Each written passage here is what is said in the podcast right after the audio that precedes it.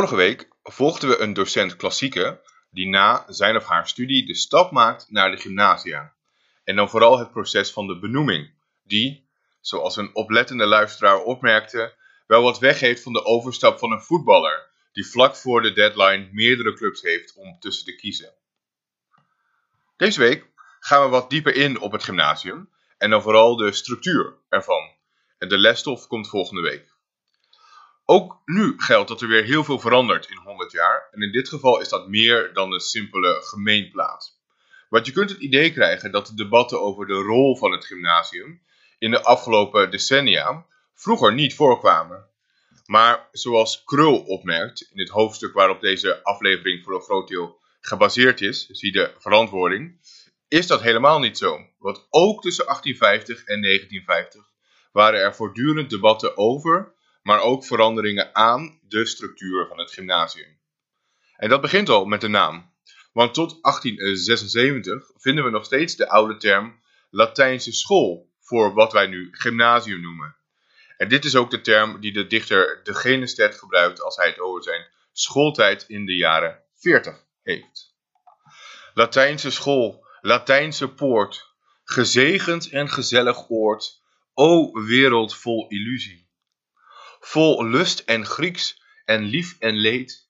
O wereld die ik nooit vergeet, vol vriendschap en van ruzie.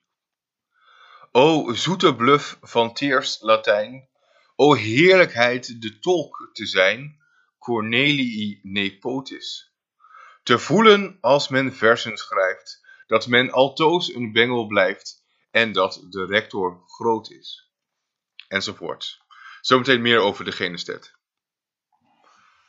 We beginnen ons verhaal aan het einde van de Franse tijd in Nederland. De Fransen waren overduidelijk van plan hier te blijven en namen ook allemaal besluiten over het onderwijsbeleid in Nederland. En zelfs de meest vaderlandslievende Nederlander moest af en toe erkennen dat ze af en toe wel eens een punt hadden.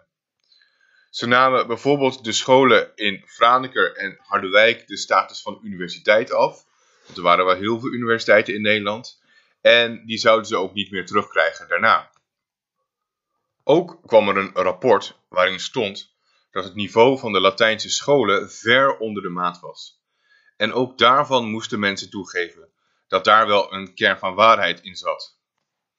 De docenten op die scholen waren vaak mislukte theologen en, ik citeer de 19e eeuwse rector Ecker in Krul, bijna van alles verstoken wat van een bekwaam en kundig onderwijzer wordt vereist doorgaans van een mindere stand in de maatschappij, daardoor van niet genoeg ontwikkeld oordeel en bekrompen denkbeelden. Einde citaat. Die mindere stand was van belang, want de leerlingen hadden vaak het idee dat ze de docenten niet echt serieus konden nemen. Krul concludeert dat ook in kleine klassen de helft van de onderwijstijd opging aan het houden van orde. Daarnaast stond het Grieks onderwijs op een heel laag pitje en het Latijnonderwijs was eigenlijk niet meer dan dat.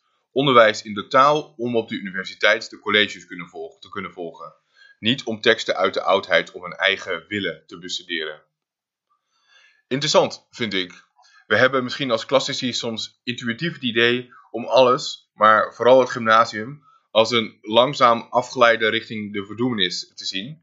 Maar dat lijkt in dit geval helemaal niet terecht, want 200 jaar geleden was het in ieder geval niet zo best allemaal. Om toch iets te doen aan de situatie, kwamen er eisen aan het niveau van de docenten. Veranderingen aan de lesstof en ook een landelijke inspecteur die toezicht moest houden. We hebben het al even over de inspecteur der gymnasia gehad. Maar een probleem bleef de verschillende eindniveaus van de Nederlandse gymnasia en het feit dat scholieren, zoals eerder ook al vermeld, soms de laatste paar klassen van de gymnasia of Latijnse scholen konden overslaan om direct het uh, makkelijke toelatingsexamen van de universiteit te kunnen doen. De universiteiten vonden dat natuurlijk wel prettig, want het zorgde voor een gestage instroom. Maar de rectoren van de betere Latijnse scholen vonden dat heel vervelend, want zo raakten ze hun leerlingen kwijt. In 1845 had de regering daar op een gegeven moment zo genoeg van, dat er besloten werd dat elke leerling van de Latijnse school aan het einde hetzelfde staatsexamen zou moeten doen. En dit was net de periode waarin de Genestet eindexamen deed. Hij moest naar Zwolle om daardoor een commissie van zeven, waarin ook Cobbett, geëxamineerd te worden. En hij schrijft daarover: Deed weleer aan Kreta stranden, Hellas kroost uw watertanden, bastaard van Pasiphae. Vreder monster spert zijn kaken om een dichter klein te maken aan de kust der Zuiderzee. Deed Peloponnesisch woeden, Hellas ingewanden bloeden, van haar roem en rang ontzet. Wat zijn driemaal tien tirannen bij de Zwolse zeven mannen? Wat Lysander bij Cobbett. De Genestet is wel een typische 19e eeuwse dominee-dichter. Dus het gedicht eindigt zoetsappig met de boodschap dat de commissie toch wel uit verlichte geesten en sympathieke mensen leek te bestaan. En met de wens dat ze ooit ook zijn zoon het examen zullen afnemen. Beetje flauw, allemaal natuurlijk. Al snel werd door Thorbecke het staatsexamen ook weer afgeschaft en het universitaire toelatingsexamen weer ingesteld. Sommige klassici, waaronder Franken, die we al even genoemd hebben, uh, vonden dit zo erg dat ze mee gingen doen aan de aprilbeweging van 1853. Niet omdat ze zo tegen het herstel van de bisschoppelijke hiërarchie waren, maar omdat ze het niet eens waren met Thorbecke's onderwijsbeleid. Deze Franken zegt in zijn afscheidscollege tegen het einde van de 19e eeuw tegen zijn studenten: Gij, mijn heren, aankomende docenten, kunt uw voorrecht niet genoeg beseffen dat uw gesternte u niet ene halve eeuw vroeger in Nederland geboren deed worden. Einde citaat. En inderdaad, in de jaren 50 en 60 van de 19e eeuw leek het niet goed te gaan met het gymnasium. Het aantal leerlingen daalde met een derde, terwijl het aantal inwoners van Nederland in deze tijd groeide. Om onduidelijke redenen was de functie van inspecteur der gymnasia weer afgeschaft, waardoor er veel willekeur heerste. En er hing een beetje een defetistische stemming. S.A. Naber, zoals we zullen zien een echte onheilsprofeet, verzucht in 1864 dat het vruchteloos is om het over de gymnasia te hebben. En ik citeer. Slans regering heeft sedert jaren haar recht van toezicht laten glippen. De gemeentebesturen beslissen in zaken van gymnasiaal onderwijs met ene zelfstandigheid even onbegrensd als beginselloos. De Latijnse scholen gaan hand over hand achteruit. Ieder jaar vermindert het aantal beschikbare docenten in oude talen. Weldra zal men uit gebrek aan preceptoren en leerlingen de scholen kunnen sluiten. Einde citaat. De oprichting van de HBS in 1863, ook door Thorbecke, hielp ook niet mee voor de gymnasia. Ook eerder was er al geprobeerd om een vorm van onderwijs voor de burgerstand zonder klassieke talen op te richten, de zogenaamde tweede afdelingen van de gymnasia. Dat werd geen succes, maar de HBS werd dat wel. Zoals we hebben gezien, had de oprichting van HBS een onbedoeld neveneffect. Want mensen begonnen die school te bezoeken niet om een functie later binnen een bedrijf te bekleden of om later een technische opleiding te kunnen doen, maar om te doen waar het gymnasium eigenlijk voor bedoeld was, de universiteit te bezoeken. Weliswaar na een stoomcursus Grieks en Latijn en daarna een staatsexamen. Het ging dus allemaal niet al te best met de gymnasia, maar er kwam hulp met de Hoger Onderwijswet van 1876. Die schafte de universitaire propeduizen af, hebben we het al over het gehad, en ruimde in plaats daarvan meer uh, ruimte in voor algemene opleiding en dus ook meer vakken op het gymnasium. En in die wet werd het inspecteurschap weer ingesteld. En, en dit is ook heel belangrijk, het universitaire toelatingsexamen werd voorgoed afgeschaft, waardoor mensen tot hun eindexamen op het gymnasium moesten blijven. En om te zorgen dat het eindexamen niet te makkelijk zou worden en dat er verschillen zouden zijn tussen de gymnasia en het land, waren er voortaan rijksgecommitteerden bij elk examen aanwezig, die deze examens moesten becijferen en dus feitelijk konden bepalen of iemand door mocht naar de universiteit. En deze gecommitteerden waren vaak mensen die op dat moment op de universiteit werkzaam waren of dat waren geweest. Van Damstee senior weten we bijvoorbeeld dat hij na zijn tachtigste nog een gecommitteerde reis door Nederland maakte. Reis is in dit geval geen overdrijving, want de eindexamens waren steeds op andere momenten verspreid over het land, zodat gecommitteerden soms wel een maand onderweg waren van school naar school. In de memoires van Damstee vinden we veel interessante verhalen over dingen die hij tijdens die reizen had meegemaakt. Bijvoorbeeld over rectoren die voor de examens zenuwinzinkingen hebben, of die tijdens de examens antwoorden voorzeggen aan de leerlingen. Voor de gecommitteerden zelf was dit systeem wel prettig. Zij kregen een vergoeding en konden aan het eind van het schooljaar verschillende plekken in Nederland bezoeken. Ze konden ook contact houden en contact maken met andere geleerden die als gecommitteerden aanwezig waren. En ze lieten zich ook wel een beetje aanleunen dat ze steeds een paar dagen lang in een nieuwe stad onderhouden werden en dat de rectoren en andere notabelen ze voor om de hand liggende redenen een beetje mild probeerden te stemmen. Voor de docenten was het niet altijd te genoegen dat de gecommitteerden zoveel invloed hadden op de examens en zij zelf dus niet. Docenten vonden uh, soms dat de gecommitteerden niet altijd eerlijke verwachtingen hadden van het niveau van de gemiddelde gymnasiast die eindexamen deed. En soms tijdens de eindexamens ook wel heel erg een eigen stokpaardjes bereden. Daar zit waarschijnlijk ook wel wat in, uh, als je bedenkt dat de gecommitteerden die heel veel tijd hadden, uh, en die dus dat heel vaak deden op scholen, vooral de mensen waren die al met emeritaat waren, en dus niet echt meer voeling hadden met het universitaire leven zoals het op dat moment was.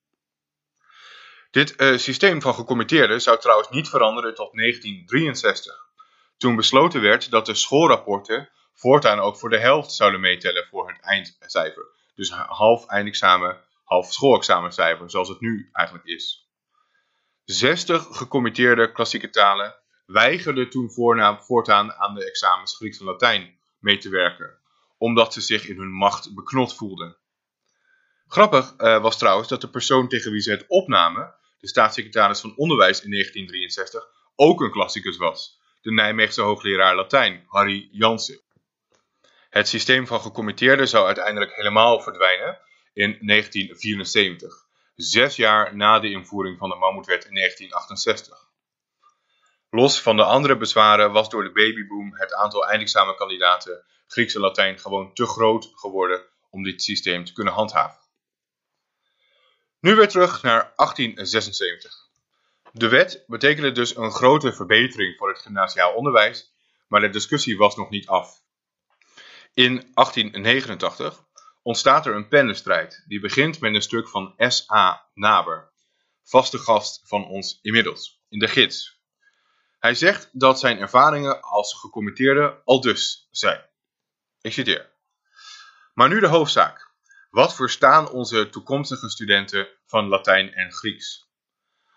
Wanneer ik hier zeer enkele uitnemende inrichtingen uitzonder, ieder rector mag mijnentwege de zijne daartoe rekenen, dan moet het antwoord luiden bitter weinig.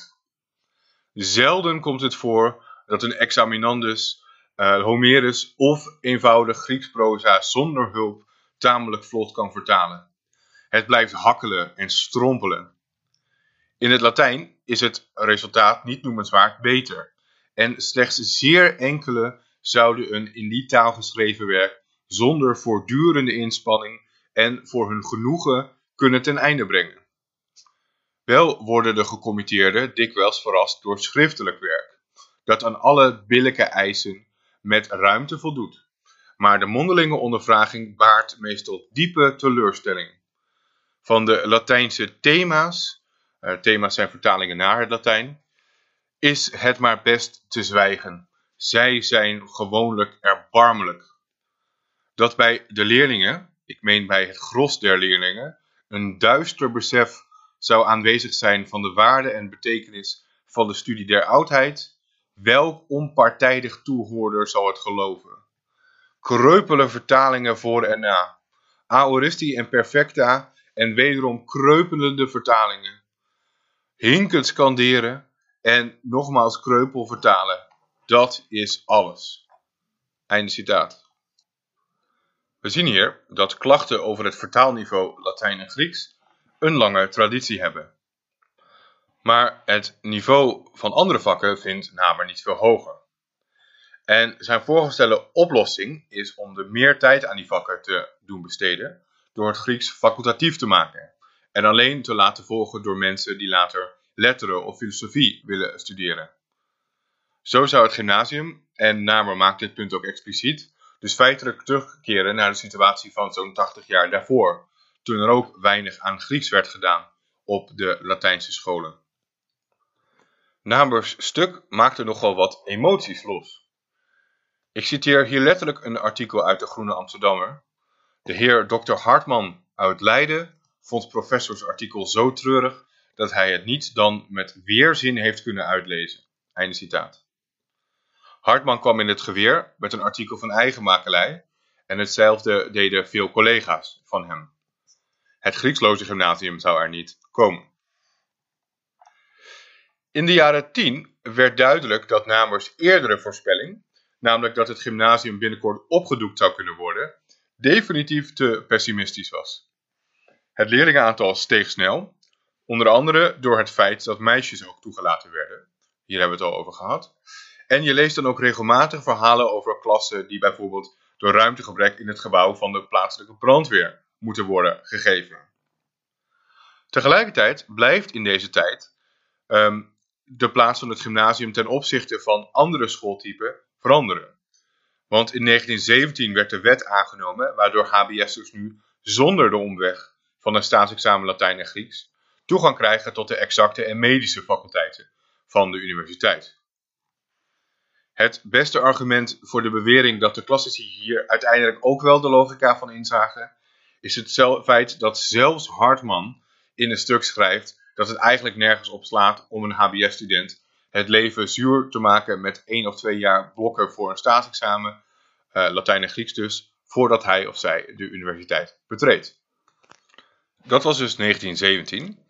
Vier jaar later slaat de vlam pas echt in de pan. Maar eerst even wat achtergrond. Dit is ook de periode waarin de eerste licea worden opgericht. Scholen waarop leerlingen pas na twee jaar een keuze hoeven te maken voor het talige gymnasium of de exacte HBS.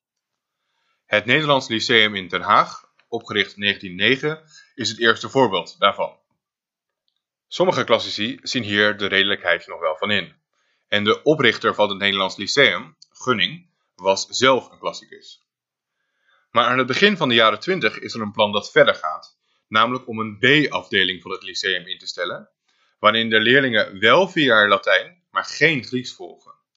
En met het diploma zouden ze dan ook de universitaire faculteiten mogen bezoeken die met een HBS-diploma niet bereikbaar waren, namelijk die van de rechtsgeleerdheid en de letteren en wijsbegeerte. Dat zet veel pennen in beweging. Er ontstaat een protest van meer dan 100 hoogleraren uit Amsterdam, Utrecht en Leiden en van veel docenten klassieken in het land. Klassieke dissertaties uit deze periode laten zich in de stellingen ook vaak negatief uit over dit idee. De pedagoog klassicus Schudding, uh, net genoemd, groot voorstander van de Lycea, zegt dat dit met grote zekerheid de doodsteek zal betekenen voor de studie der klassieke talen in ons land.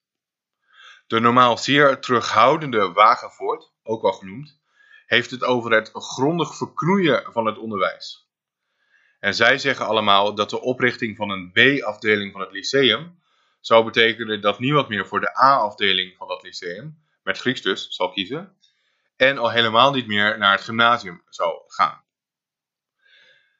Het plan wordt niet doorgezet en het gymnasium bleef de enige weg om toegang te krijgen tot alle faculteiten van de universiteit. En voor de rechten zou dit eh, bijvoorbeeld nog tot 18, uh, eh, sorry, 1968 duren. En zelfs toen nog moesten HBS'ers een voortentamen Latijn doen voordat ze aan rechten konden beginnen. Een komen en gaan van ideeën dus. In 1938 is er weer een voorstel tot verandering. Het komt uit een rapport van een commissie voorgezeten door de inspecteur van het onderwijs en latere minister Gerrit Bolkestein. Het bepleit een B-afdeling van het gymnasium, waarop er geen Grieks wordt onderwezen. Door de oorlog zou dit uiteindelijk geen doorgang vinden. Curieus aan deze Gerrit Polkenstein is dat zijn broer Hendrik Polkenstein op dat moment hoogleraar oude geschiedenis in Utrecht is. En dat Gerrits kleinzoon Frits 75 jaar later ook een grote steen in de vijver van het gymnasium zou gooien. Net na de oorlog wordt er ook weer veel gesproken over veranderingen aan het onderwijs. En dat komt ook doordat men onder de indruk was van de instelling van de Engelse, Amerikanen en Canadezen tijdens de oorlog. Er wordt openbaar getwijfeld of de Nederlandse jeugd op dezelfde manier geneigd zou zijn om hun leven voor de goede zaak in de waagschaal te leggen. En zo nee, of dit misschien komt door de verschillen tussen de verschillende onderwijssystemen.